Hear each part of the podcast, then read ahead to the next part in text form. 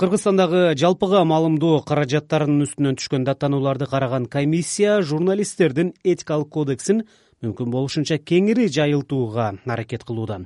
Түзүлгөнүнө он жыл болгон комиссиянын иши быйыл сезилерлик жанданып эл аралык тажрыйбага да көңүл бурула баштады. Кыргызстандык журналисттер көбүнчө кандай кемчиликтерге жол берет жана аларга кимдер нааразы алдыдагы баянда сөз кылабыз жалпыга маалымдоо каражаттарынын үстүнөн түшкөн даттанууларды караган комиссияга быйыл жолдонгон арыздардын ичинен өзгөчө талкуу жаратканы өлкөнүн башкаруудагы партиясы кыргызстан социал демократиялык партиясынан келген кайрылуулар болду. Арыздардын бири партия лидери экс президент алмазбек атамбаевдин. Экинчиси партия төрагасынын орун басары мурдагы өкмөт башчы камактагы сапар исаковдун кадыр баркын коргоо максатында жазылган анда гезит жана маалымат сайттарына жарыяланган макалаларда журналисттердин бир тараптуулугуна факт менен божомол так көрсөтүлбөгөнүнө нааразылык билдирилген. Комиссия мүчөлөрү макалаларды карап кыргызстандык журналисттердин этикалык кодексиндеги айрым беренелер бузулганын аныктады. Аталган комиссияга бир жылда ушул сыяктуу он он беш даттануу түшөт. Арызданууга кыргызстандын ар бир жараны же уюмдар акылуу. Алар гезит журнал тв радиодогу кай бир баянга нааразы болсо комиссияга кайрылып журналисттин же медиа уюмдун үстүнөн даттана алышат. Комиссия журналисттердин этикалык кодексинин негизинде аны карап кемчиликтерди аныктайт же журналист эч кандай эреже бузбаганын тактап берет.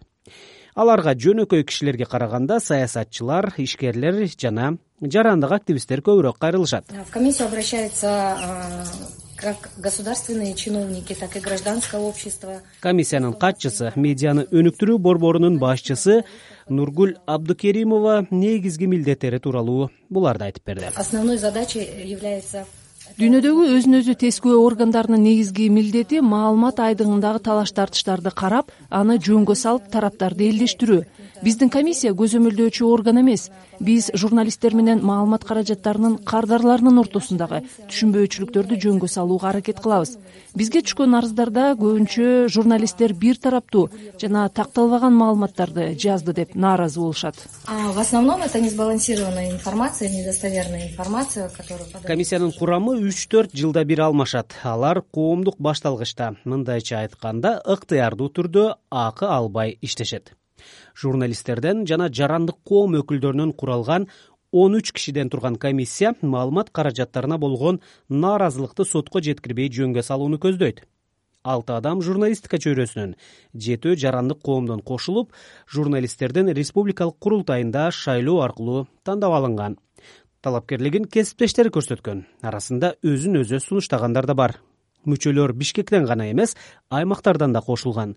Аралык эсепке алынып жыйындар кээде онлайн өтөт. Комиссиянын төрагасы юрист шамарал майчиев бизде э, эң э, сапаттуу э, массалык каражаттар абдан аз. Жарандык активист динара ашурахунова буга чейин аталган комиссияга бир эки жолу арызданып этикалык нормалар сакталбаган макалалардын үстүнөн даттанган эки миң он сегизинчи жылдын май айынан тарта өзү да мүчө болуп кирди. Комиссия бул деген э, сот эмес. Бул мамлекеттик эмес орган.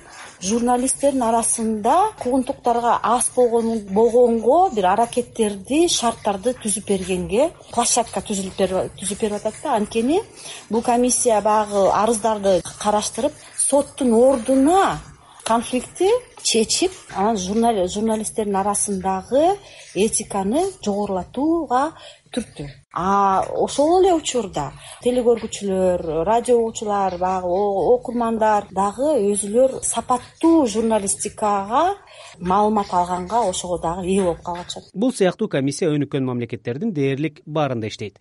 Айрымдарынын жүз жылга жакын тарыхы бар. Алардын чечими сунуш катары эсептелет. Юридикалык күчү жок биринчиден кыргыз журналистиканын эң мындай орчундуу маселелеринин бири бул тилектештик Э, жоктугу да.